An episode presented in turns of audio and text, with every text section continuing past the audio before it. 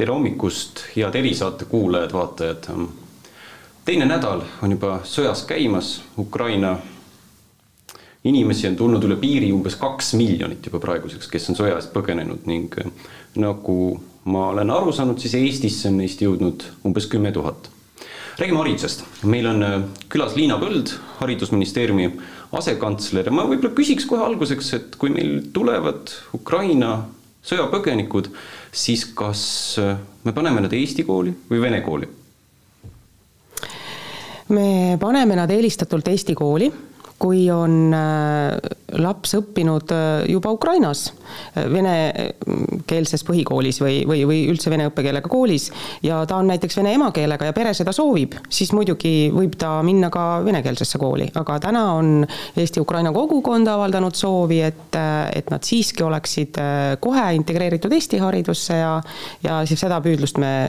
püüame silmas pidada. Ma küsin natuke selle ebameeldiva küsimuse, aga siis tuleb ära küsida, et äh, kuidas te ikkagi selles kontekstis hindate nagu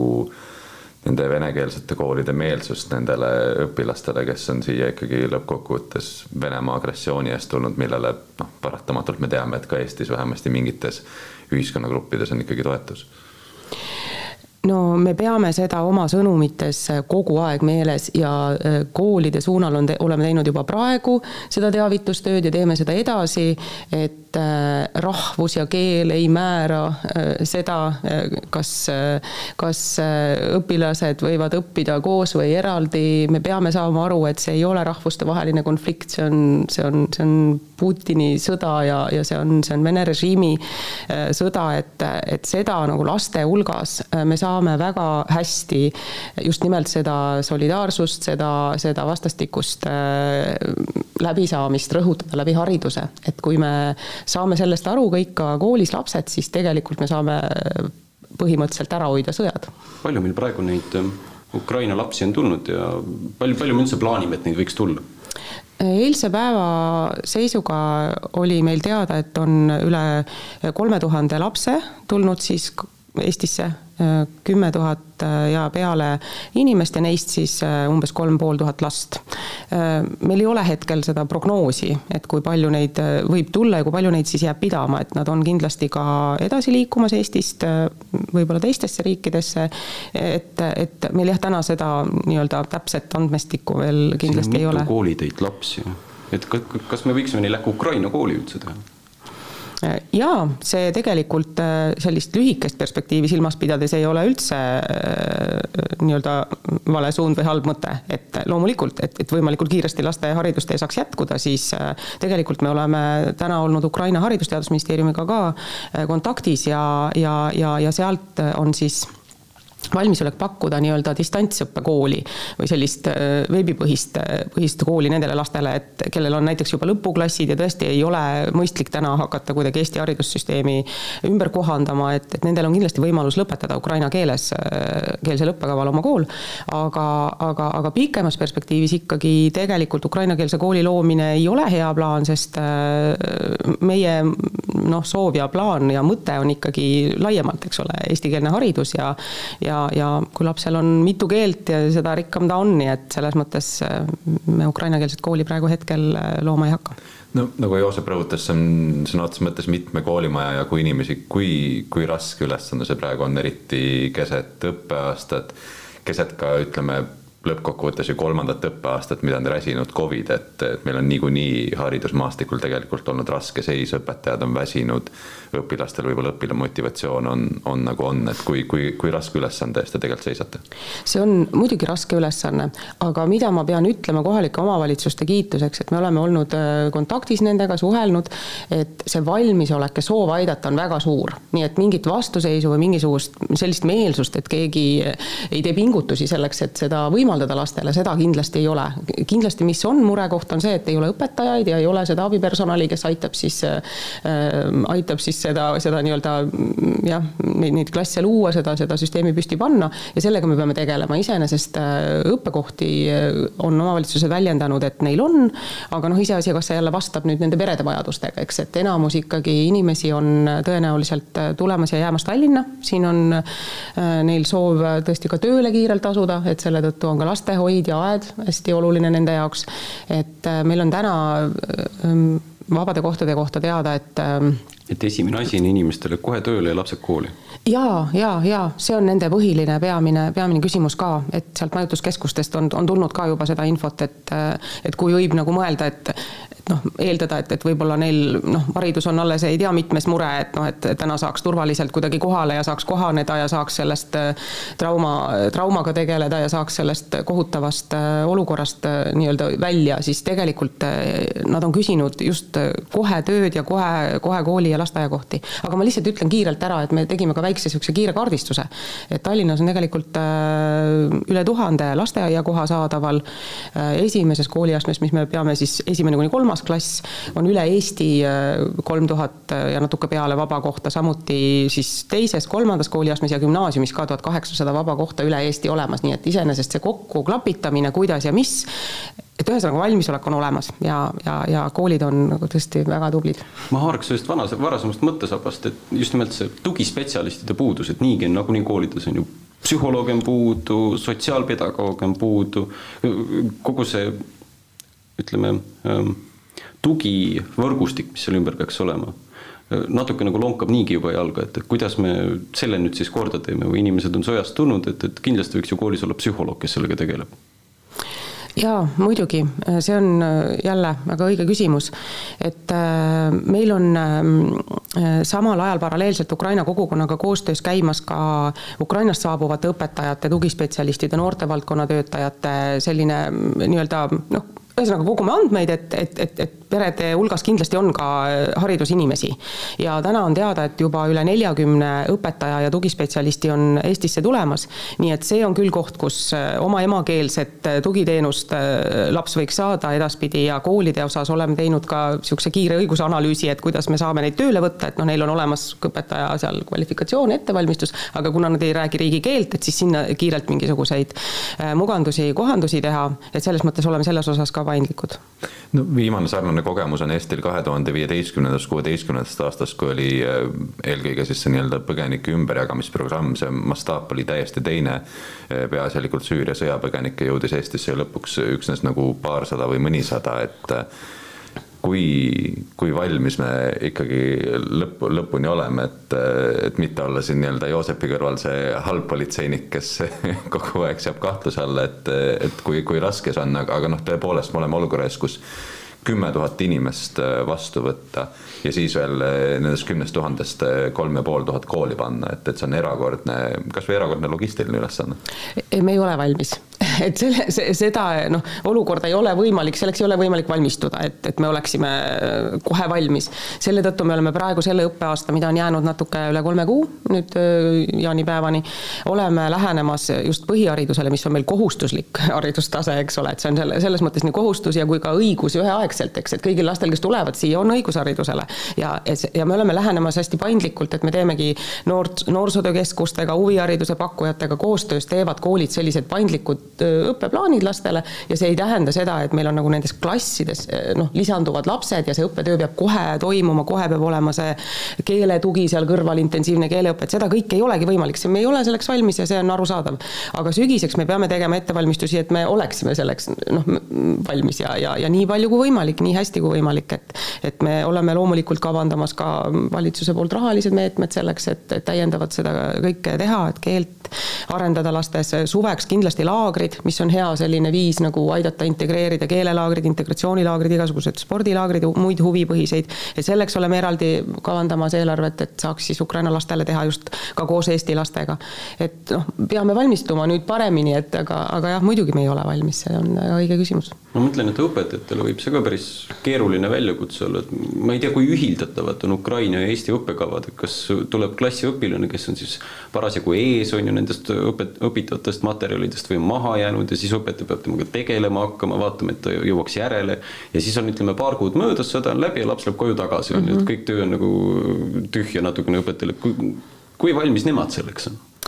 Nojah, sellepärast olemegi seda selles lähiaja plaanis nagu sellist paindlikku teed läinud, et ikkagi sellel kevadsemestril ei hakka seda tegema, nagu te just rääkisite, kõiki neid, me nimetame neid individuaalsed õppekavad lapse jaoks, et need kohandamised, meil on ju muukeelseid rändetaustaga lapsi tegelikult noh, ikka Eestis äh, enne ka olnud, aga noh, sellises massiivses mahus just nimelt ja et, et me ei hakka seda tegema niimoodi äh, noh, neid kohandamisi ja, ja, ja neid äh,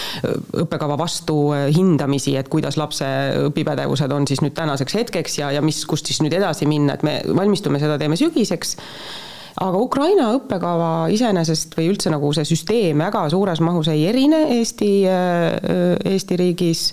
riiklikust õppekavast, et me jah, selles osas on, on, on võrdlemisi sarnane ja ka Covidi tõttu on nendel kahel viimasel aastal jäänud ära lõpueksamid põhikoolis, need ka sellel aastal loomulikult sõja tõttu seda ei toimu, nii et õpilane saab oma jooksvate hinnetega ilusti kooli ära lõpetada. teemegi suht ühte jalga, jah? jah, järgmisesse tasemesse, meil on kaheteistpalline hindamissüsteem, mis on huvitav, aga. sellega annab ära harjuda, ma kardan. jah enne oli juttu tõepoolest, et neid eh, lapsi on kolm tuhat viissada ja, ja me loetlesime ka siin neid eh, vabu mm -hmm. õpikohti, aga või koolikohti, aga mm, kui me vaatame tegelikult prognoose, kui palju inimesi lahkub Ukrainast, eriti praegu, kus sõda jätkub, siis ka Eesti on siin ikkagi minu meelest juba enne seda hinnanud, et neid inimesi võib-olla on kolmkümmend tuhat, mis tähendab seda, et ka neid õpilasi on potentsiaalselt mhm. kolm korda rohkem, et et, et ma mõistan, et jooksu pealt tuleb tegelikult see plaan valmis teha, aga mm, -hmm. aga kui, kus see nagu ülempiir meil vastu hakkab tulema, et, et mis on tegelikult see, mida me suudame ära teha mm? -hmm no ma arvan, et kui valitsus hindas seda võime, võimekust, et siis ma arvan, et sinna kümne tuhande kanti ta tegelikult hinnatigi, et ma usun, et see on päris objektiivne arvestus. et aga jah, loomulikult, kui inimesed tulevad sõja eest meie riiki pakku, siis tuleb võtta vastu kõik. aga, aga siis tuleb ka anda järgi nendes nii-öelda nõudmistes, et, et noh, mida me siis peame silmas, kui me räägime lastehoiuteenusest või, või, või, või kui me räägime sellest samast kooli hariduse võimaldamisest, et me anname endast parima, aga tuleb aru saada, et selge, et siis tuleb teha ka võib-olla mingid ajutised koolid, mis ongi ukrainakeelsed näiteks, eks ole, ja nii, nii edasi, et lastel, mis on nagu põhiline ja ja, ja mida veel hästi Covid kriis nagu tegelikult näitas, et, et, et, et tuleb olla tegevuses, et, et nii, et lapsed jäävad lihtsalt noh, norutama kuskile kas koju või oma sinna praegu majutuskeskusesse, hotelli, see ei ole hea plaan, et, et nii kui nad on valmis nii noh, tulema, siis tuleks sellist mõtestatud, ajaliselt raamistatud, kellast kellani tegevust neile pakkuda. mõtted on, oleks mujal. et oleks mujal, et nad tegeleksid sellega, et nad saavad noh, tõesti välja sellest. jah, ja tekivad ka, eks ole, omavanused eh, sõbrad-tuttavad, kellega, kellega vähemasti mingilgi viisil see õudu, õudus enda hingest, eks ole, maha võtta. kas mingid koolid on juba olemas, kuhu lapsed on ennast nii-öelda kirja pannud? Äh, jaa, meil äh, gümnaasiumis õpib Jõgeval juba kaks äh, Ukraina noort, siis me teame, et Kohtla-Järvele jõudis kümme last, me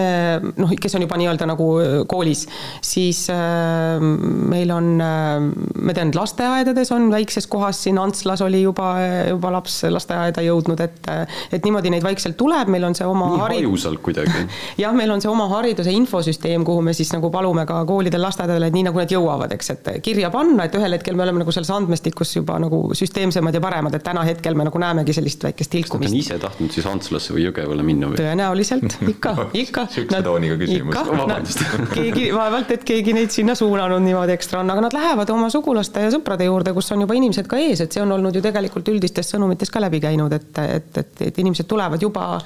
oma, oma tuttavate juurde. ma mõtlen, viimaks küsiks seda, et kindlasti neil on palju ka klassikaaslasi kas kuidagi õpilastega on ka räägitud või öeldud neile, kuidas nad nagu peaks olema seal klassis, et nad ei oleks kuidagi mõlakad nende ukrainlaste vastu, kas siis tahes, taht-, tahtlikult või tahtmata, et, et noh, pinnima siis, kui teisel on ülemäära valus või hakkama seal, ma ei tea, nalja tegema, mõnitama, et kuidas need õpilased peaks nüüd, kuidas meie lapsed peaksid käituma? Ja jällegi siin äh, meil on hästi suur abi olnud juba koolipsühholoogide liidu juht äh, Karmen Maikalu on pannud kokku sellised hästi siuksed soojas toonis sõnumid, sellised head, head nagu juhised, näpunäiteid koolidele. kindlasti koolides endas needsamad äh, inimesed, kes töötavad lastega igapäevaselt, saavad seda teha ja, ja, ja täpselt lapsi noh, seletada olukorda, anda nii-öelda seda, seda, seda julgustust, et, et küsimus ei ole noh, jällegi ka rahvuse pinnalt, eks, et, et me eeldame, et, et tulevad Ukraina lapsed ja aga tulevad ka, tulevad ka venekeelsed lapsed, eks ole, Ukrainas elab äh, seitseteist protsenti ka vene emakeelega inimesi, et, et kellegi suhtes ei tohi olla seda, seda tõrksust ega vastumeelsust, et, et jah, ja kui, kui on koolis need mured üleval või, või, või mingid küsimused, et siis oleme julgustanud ka pöörduma ikka ministeeriumi poole, et kuidas meie saame lahendada, meil on hästi palju neid kiusuvastase tegevuse selliseid ähm, nagu võtta, ühendusi, neid näiteks Kiva ja, ja Lastekaitse Liit ja, ja Vaikuse minutid ja, ja kõikvõimalikud sellised programmid, kes nagu ka koolide, koolides on, abistavad sellel teemal ja ka nemad on näidanud juba üles valmisolekut, et, et nad teevad nagu täiendavalt seda tööd veel intensiivsemalt, et noh, selles mõttes kõik jah, tulevad professionaalid appi ja, ja saame seda on hea kuulda. Nagu aga Liina Põld, aitäh, et äh, tulite meile saatesse. Vaatame väikse vaheklipi, mis äh, juba üllatab, äh, ennustab ette, kes on meie järgmine külaline. Eesti inimestele läheb Ukraina käekäik väga korda. toetame jätkuvalt Ukraina arengut ja oleme valmis omalt poolt sellesse panustama, kui me saame aidata Eesti toetab jätkuvalt jõuliselt Ukraina territoriaalset terviklikkust. ma olen ise seisnud rindejoonel Ida-Ukrainas, olen seisnud tõkkepuu kõrval, kus ühel pool on Ukraina ja ka teisel pool on Ukraina. Seesama riik, kuid nii erinevas olukorras. oluline on liikuda poliitilise lahenduse poole. samas ei tohi rahvusvaheline üldsus kordagi unustada, et meil ei ole Ukrainas tegemist kahe riigi omavahelise konfliktiga, kus on kaks osapoolt kes mõlemad oleksid selles konfliktis ühtemoodi osalema, osalenud. tegemist on selgelt olukorraga, kus üks riik on agressor ja teine riik on ohver. Kutsume üles rahvusvahelist üldsust jätkuvalt astuma samme, mis toetavad Ukraina suveräänsust ja territoriaalset terviklikkust. Eesti toetab jätkuvalt ka Ukraina Euroopa Liidu ja NATO suunalisi ambitsioone. jah, see võtab aega, aga mõlemad rahvusvahelised organisatsioonid peavad olema Ukrainale avatud tere tulemast tagasi. meil on külas Vabariigi president Kersti Kaljulaid. president Kaljulaid, Vabariigi president on Alar Karis. õige, vabandan. Mis ma tahtsin küsida, vaatasime küll videot Zelenskõist. Te olete kohtunud ka Vene presidendi Vladimir Putiniga kolm aastat tagasi. ja toona te ütlesite, et see kohtumine oli väga hea ja vastastikku respekteeriv. kas toona oli ka tajud, et temast võib saada uus Hitler? Ei olnud ja ma arvan, et tegelikult palju huvitavam oleks rääkida Putinist näiteks Emmanuel Macroniga, kes vist on Euroopas Sauli Niiniste kõrval teine riigijuht, kellel nüüd on pikk aegrida kohtumistest äh, Putiniga. Teised siin on vaheldunud Merkel Scholziga ja nii, et äh, tollel ajal oli ikkagi tegemist äh, noh, ütleme just tehnilist detaili valdava inimesega, aga tehnilist detaili valdav inimene oleks ju mõistnud, et see sõda Ukrainas ei kesta nelikümmend kaheksa tundi. midagi võib olla muutunud, aga Mi ma ei tea seda. mis seal tõesti juhtus, et see retoorika juba, no muidugi ta on ju varasemaltki olnud selline hirmu tekitava retoorikaga, aga nüüd enne seda sõda jutud olid täiesti, no inimesed vaatasid ja hoidsid peas kinni. no see tegevus selles suunas, et äh, likvideerida see kahekümnenda sajandi suurim geopoliitiline katastroof, on ju käinud aastast kaks tuhat seitse Müncheni julgeolekukonverentsist, kus siis Venemaa esitas noh, ettepaneku muuta seni kehtivat reeglitepõhist maailmakorda äh, talle vastuvõetavamaks. keegi ei olnud nõus, aga kui kaks tuhat kaheksa toimus Gruusia sõda, siis keegi ka ei teinud midagi. sanktsioonid tollel ajal jäid lääne poolt väga nõrgaks. ja ma olen hästi palju mõelnud viimastel nädalatel, et kui siis oleks ikkagi sellised sanktsioonid nagu äh, pandud nagu praegu, eks ju, niimoodi vastu näppe antud, siis võib-olla ei oleks seda kõike juhtunud, et läinuks ajalugu võib-olla teisiti. aga õppetund toona oli see, et, et kui Venemaa üritab äh, läbi rääkida, siis ei räägita, aga kui ta teeb, siis ei hakata ka vastu. ja see alanud laine sealt Gruusiast jõudis siis Krimmi ja, ja nüüd, nüüd on siis, nüüd on siis tänane päev meil käes. ehk et see on olnud järjepidev tegevus, et selles mõttes äh, võib lihtsalt küsida, et kas mingil põhjusel hakkas kiire, aga see kiire ei pruugi olla seotud äh, Putini isikuga, see kiire võib olla ka seotud sellega, et Venemaa on kulutanud oma armee moderniseerimisele noh, meeletult raha, kuus-seitse protsenti SKT-st ja samal ajal väga vähe näiteks haridusele ja tervishoiule, noh seal ühe-kahe protsendi piires. ja see võimekus äh, noh, olla üldse ähvardav armee kahaneva majandusega ja kehva demograafiaga riigil ei kesta kaua, et noh, võrdle Hiinaga, kellel on aega oodata, kuni tema majanduslik võim noh, konverteerub geopoliitiliseks võimuks. Venemaal ei ole aega oodata, ei Venemaal, aga võib-olla ka Putinil, me ei tea seda. kas nüüd või mitte kunagi? jah, nende võimaluste aken seda mängu muuta ongi olnud lühike ja sellepärast on olnud tegelikult selge juba noh, vähemalt eh, Gruusia sõjast peale et, et ta, et Venemaa kindlasti üritab selle väikese võimaluste akna piires ehk järgmise paarikümne aasta jooksul siis mängu muuta. ja nii see nüüd ongi läinud selles kontekstis tundub see seda ju väga ratsionaalne kuidagi jälle tagantpidi, et küll ülimalt küüniliselt, aga sellegipoolest ratsionaalne, et seda niisugust paralleelreaalsust, kui me räägime, et Putin Covidi tõttu on kuidagi isoleerunud, aga seda paralleelreaalsust oleme aidanud me ju ka ise luua, et me ei ole reageerinud nendele varasematele sõdadele. täpselt nii ja sellepärast ma ei olegi äh, täiesti nõus nende inimestega, kes ütlevad, et noh, kindlasti on hulluks läinud. Äh, või et kindlasti on tervis nii käest ära, et oli vaja jätta noh, viimane mälestusmärk, et see tegelikult on olnud nende poolt vaadates ratsionaalne sündmuste ahel, aga see suur sõda on vale arvestus, selle jaoks ei olnud lihtsalt võimekust. muidugi ma mõtlen, kas see toonane kohtumine Putiniga võis ka olla üks samm nendes vigade ahelas, et näidata, et Vene karul pole enam hambaid ja ta on ratsionaalne? too kohtumine äh, oli tegelikult minu meelest teistmoodi huvitav äh, Vene poole jaoks, et mulle jäi mulje, et kuna Venemaa välisministeerium, äh, noh, nende järjepidev joon on olnud see, et need naaberriigid, nende, nendega me ei räägi, nendest me räägime siis mingil põhjusel äh, ei kujuta ette, võib-olla omavaheline see, et suhted hoopis vajasid nagu äh, selgitamist, et, et see kohtumine kujunes selgelt nii, et äh, mina ütlesin, et ma tulen saatkonda avama ja ütlesin, et me võiksime siis ka kohtuda, kuigi me milleski tõenäoliselt kokku ei lepi, aga noh, naaberriigid ikkagi. Ja, ja siis oli kogu aeg näha, kuidas seda asja lükkas Kreml ja tõrjus Välisministeerium, nii et ma arvan, et see oli tegelikult omavaheliste suhete selgitamise hetk mis andis meile võimaluse siis avada see saatkond presidendi tasemel ja, ja ka viia läbi see kohtumine. milline on Putin, milline on Lavrov? Te olete ju neid mõlemaid näinud, sama laua taga olnud. Lavrov on minu meelest inimene, kes on äh, sattunud olukorda, kus ta aastast aastasse peab äh, noh, ütleme seisma auditooriumide ees, kes suhtuvad äh, noh, ütleme teatud tõrjuvusega tema, tema, tema riiki ja selle tegevusse. ja minu meelest on ta üha enam ja enam iseenda, iseenda jutust tüdinud, et äh, kui sa teda näed, et siis see tundub, et, et ta, et ta teab, mida ta peab tegema ja ta teeb seda, aga, aga ta väga kaua ei ole noh, hingega selle, selle taga nagu enam minu meelest. ongi nagu moolatu et ta on noh, nagu jah, et see tundub, tundub kuidagi selline, et üha enam ja enam on ta nagu tüdinud nende pahanduste selgitamisest aga kui Putini ümbruskond on täis neid tüdinud inimesi, siis eh, noh, siin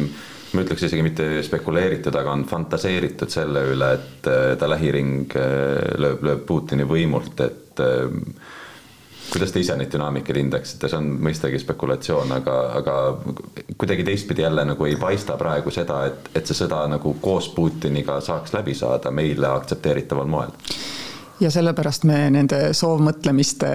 ütleme, loodetava tulevikuennustustega ilmselt tegelemegi, eks ju, aga mina ei, ma ei läheks sinna, et me ei tea. me ei tea, võtame päev korraga ja me näeme, kuidas kuidas see kujuneb.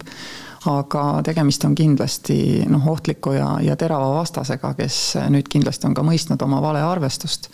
see sõda ei ole neile niimoodi, niisugusel moel võidetav, nii et äh, nad on läinud üle samale trak-, taktikale, mis oli Groznõi äh, alistamisel piira sisse ja lase kõik puruks, see on meeletult õudne, mis seal toimub. ja, ja ma täna ei näe, et äh, et see võiks kiiresti lõppeda, aga ma olen üsna sama meelt, et vähemasti võiks ütleme, kõik maailma õhutõrjerelvad, millele demokraatlikud riigid ligi saavad ja mida oskavad ukrainlased kasutada, võiks tõepoolest saata Ukrainasse, et see võib olla ainus, mis, mis aitab. milline on maailm pärast seda, kui see sõda läbi saab, olgu siis Venemaa võit või Ukraina võit? no vot, see ongi see, et, et üks või teine, et, et sellest ju ka sõltub, milline, milline on maailm, et et ma arvan, et kui, kui see lõpeb Ukraina kaotusega ja, ja Ukrainast jääb järele üsna vähe, siis see, mis Ukrainast järele jääb, tõenäoliselt saab võimaluse äh, pidada läbirääkimisi Euroopa Liiduga, ma väga loodan, et see võimalus antakse ka Moldovale ja Gruusiale, mis võiks kiirendada nende kujunemist tõeliselt, tõeliselt euroopalikuks õigusriigiks ja aidata näiteks Ukrainal oma kohtusüsteem lõpuks korda teha ja nõnda edasi, nõnda edasi. siis, kui nad praegu nüüd nullist peaksid seda jällegi ehitama hakkama pärast sõda? jah, aga ükskõik, kas nullist või tähendab, see, see Euroopa Liidu abi, mida meiegi saime FARE programmi näol, tegelikult võiks aidata ja see teadmine, et kui me teeme need asjad ära, siis võib noh, meist saada saada Euroopa Liidu liige, et ma arvan, et see võiks aidata tegelikult. väga halb stsenaarium. aga, aga, aga ka see on ka teistpidi halb stsenaarium, ses mõttes, et see, ka selle osa on siis see, et meie kõrvale jääb väga suur Põhja-Korea, eks ole. vastupidisel juhul äh, on raskem ennustada, et, et kui toimub mingisugune sisemine plahvatus, et kuhu siis need tükid lendavad, see on palju keerulisem ennustada, milline siis on, aga ma pean ütlema, et minu jaoks on see olnud viimase kolmekümne aasta kõige suurem pettumus, et noh, mina näiteks aastal üheksakümmend üks, kui Eesti sai iseseisvaks ja Boriss Jeltsin äh, kirjutas alla, et me ega siis ilma Venemaa nõusolekuta tegelikult lääs oleks olnud ikka väga ettevaatlik meie tunnustamise osas, eks ole, me ju teame seda. Äh, mina tegelikult arvasin, et Venemaast võib saada täpselt samasugune Euroopa, euroopalik riik nagu meie, et miks mitte. ja see on väga suur pettumus, et me, ma endiselt arvan, et, et seda ei saaks välistada, et noh, arvata, et ongi mingisugune Vene maailm, mis ei, ei suuda elada reeglitepõhises maailmakorras, et noh, ukrainlased näitavad, et see on nende unistus ja neid on nelikümmend miljonit. kindlasti on see võimalik Eestit on selle konflikti ajal väga palju kuulatud, Kaja Kallas on erakordselt tööd teinud ainuüksi selle põhjal, et teda on väga palju näha olnud igal pool ja Eesti sõnum on inimestele kohale jõudnud, aga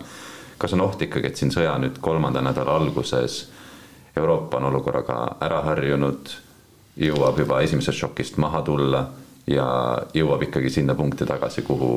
ütleme siis jutumärkides ta on alati jõudnud. ma väga loodan, et ei jõua, et näiteks Münchenis julgeolekukonverentsil äh, oli mul endal oli võimalus Charles Micheli ja Joseph Borrelliga rääkida ja, ja me leppisime enne nende lavale minekut äh, juba kokku, et ma küsin nende käest selle Ukrainale erakorralise läbirääkimiste kutse esitamise kohta.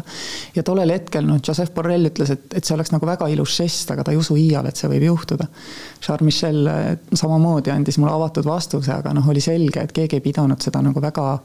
realistlikuks, et eh, nüüd, kui Euroopa Parlamentki on seda arutanud ja sellest on saanud selline noh, tavaline arutelu teema, siis ma väga loodan, et eh, läbi selle äh, igal juhul me oleme muutunud, et, et Euroopa on nõus kasutama oma tugevamat relva, milleks on tegelikult laienemine ja siin on palju ka räägitud seda, et see sõda kui selline nullsummamäng, Putin ei ole nõus alla andma, Ukraina ei ole nõus alla andma. Ja ma kujutan ette, et ainus, kes võibki tüdida, nagu Indrek ütles, või kuidagi tunda, et aitab, et kuskilt peab piiri tõmbama, et see on lääs see on olnud pikka aega selline kuluaarivestluses alati, et öeldakse, et aga me peame ju noh, ütleme, et, et me saame aru, et venelased on või Putin on nagu nurgas, et me peame nüüd kuidagi ta sealt välja värvima, sest aga ta on ennast ise sinna nurka värvinud, et kõik meie väljavärvimise katsed tähendavad meiepoolset loobumist järeleandmisi, mida Venemaa tõlgendab nõrkusena. ja tõepoolest praegu ja nüüd meid hetkel kuulatakse, aga me oleme ju seda juttu rääkinud Gruusia osalisest okupeerimisest peale, et et, ikkagi oli vaja, et see asi jõuaks, jõuaks selleni, milleni ta jõudis, eks ole, et, et ma arvan, et meie ei olnud siis seal, kui, kui näiteks Teine maailmasõda puhkes, eks ole, aga noh, ilmselt sama aeglased oldi taipama ja noh, tegelikult hilineti, eks ole, noh, kõiges kogu aeg. jah, siis ma tahtsingi jätkuküsimusena küsida, et, et me kuidagi lühiajaliselt kipume tahtma hästi kiiresti mingeid äh, lahendusi, samas me pikaajaliselt alahindame juba mingeid käima lükatud protsesse, et kui me vaatame ka neid samu sanktsioone, siis ega need ei lõpe ju nädala või kahe pärast. aga see ongi, ka meie olime viiskümmend aastat okupeeritud ja siis oli meie eelkäijatel seda strateegilist kannatust, et mitte tunnustada, eks ole, toetada siin noh, Balti apelli arutada, eks ole, ÜRO-s Euroopa Parlament võttis vastu resolutsiooni, milles ta ütles, et see ei ole kõik väga õiglane, mis nende Balti riikidega on toimunud, eks ju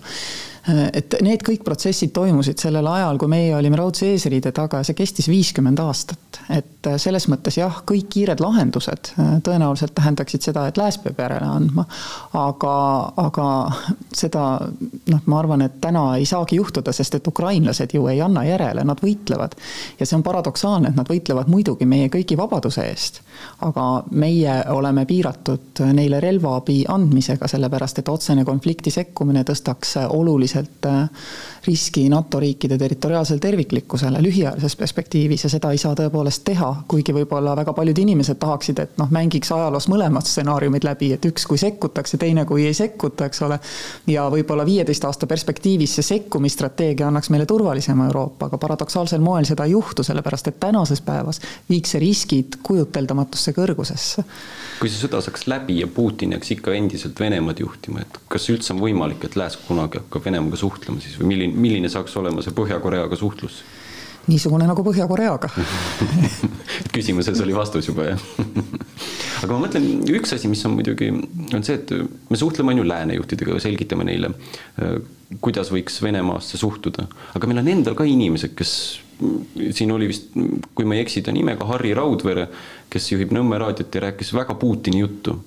aga kuidas, kuidas me peaksime nende inimestega suhtlema või, või seal tundub selline ühildamatu tee. Neid inimesi on ju ka väga erinevaid, et on inimesi, kes noh, on, ongi, nad on vene rahvusest ja nad identifitseerivad ennast ikkagi suure Venemaaga, eks ole, vanemad inimesed eriti teise, teise maailmasõja selle võiduga ja see on hoopis teine kategooria kui need inimesed, kes lihtsalt räägivad Kremlile kasulikke jutupunkte a la, et ega see sinimustvalge ka nii tähtis ei ole, eks ole. et, et see on, need on väga erinevad inimrühmad, et mitte ühtegi sellist seltskonda, kellel üks tunnus on sarnane sarnane, ei saa ju käsitel-, käsitella ühtemoodi, eks ole. et äh, nende osas, kes äh, lihtsalt ei tea, mis Ukrainas toimub, ei taha seda näha, eks ole, noh, on, nooremaid on kindlasti võimalik faktidega ikkagi, ikkagi veenda, näidata, kindlasti on oluline, et meie kool, ka meie vene kool oleks, oleks otsekohene ja esitaks objektiivseid fakte ja üks oluline asi, mida noortele peab selgitama, on see, et ei ole nii, et on Vene telekanalid, mis esitavad Vene propagandat ja Lääne telekanalid, mis esitavad Lääne propagandat. et ma äh, olen saanud paar küsimust koolitundides laste käest, mis näitab, et mõned inimesed niimoodi mõtlevad, et nad ei saa aru, mida tähendab vaba ajakirjandus ja ma olen siis öelnud, et vaadake, et kui täna toimuksid Moskvas ja Peterburis ja igal pool mujal Venemaal suured demonstratsioonid või ka väikesed äh, selle sõja toetuseks siis me ka räägiksime sellest. Te näeksite seda äh, Eesti Rahvusringhäälingus, BBC-s ja mujal, sellepärast et me ei varjaks seda. aga Vene pool, eks ole, neid vastalisi demonstratsioone ju ei näita oma televiisoris ja see ongi see erisus. et aidata lihtsalt noortel aru saada sellest, mis on vaba maailma reeglid ja mis on totalitaarse riigi reeglid, et kust sa peaksidki seda teadma, kui keegi ei ole seda sulle selgitanud. Kersti Kaljulaid suur aitäh teile, aitäh teile vaatajad, ma unustasin alguses teha selle, et meid tutvustada, et mina olen Joosep Tiks Eesti Ekspressist, minuga on äh, hea kolleeg Indrek Lepik Eesti Ekspressist ja külas oli president Kersti Kaljulaid, veel mitte Eesti Ekspressist, kuigi külalispeatoimetaja vist olite üks päev. ei, see oli Pealtnägija, vabandust. see oli Pealtnägija ja ma tegelikult olen pikema aja oma ajakirjanduslikust äh, hobi ja vabatahtlikust karjäärist veetnud Kuku raadios üle, üle kümne aasta, kindlasti viisteist äkki isegi, aga viimasel ajal tõepoolest jah, valik on teie, jah noh, kuulame ja vaatame, neli-viis leheküljed järgmine nädal olgu, suur aitäh teile, kõike kena! kõike kena!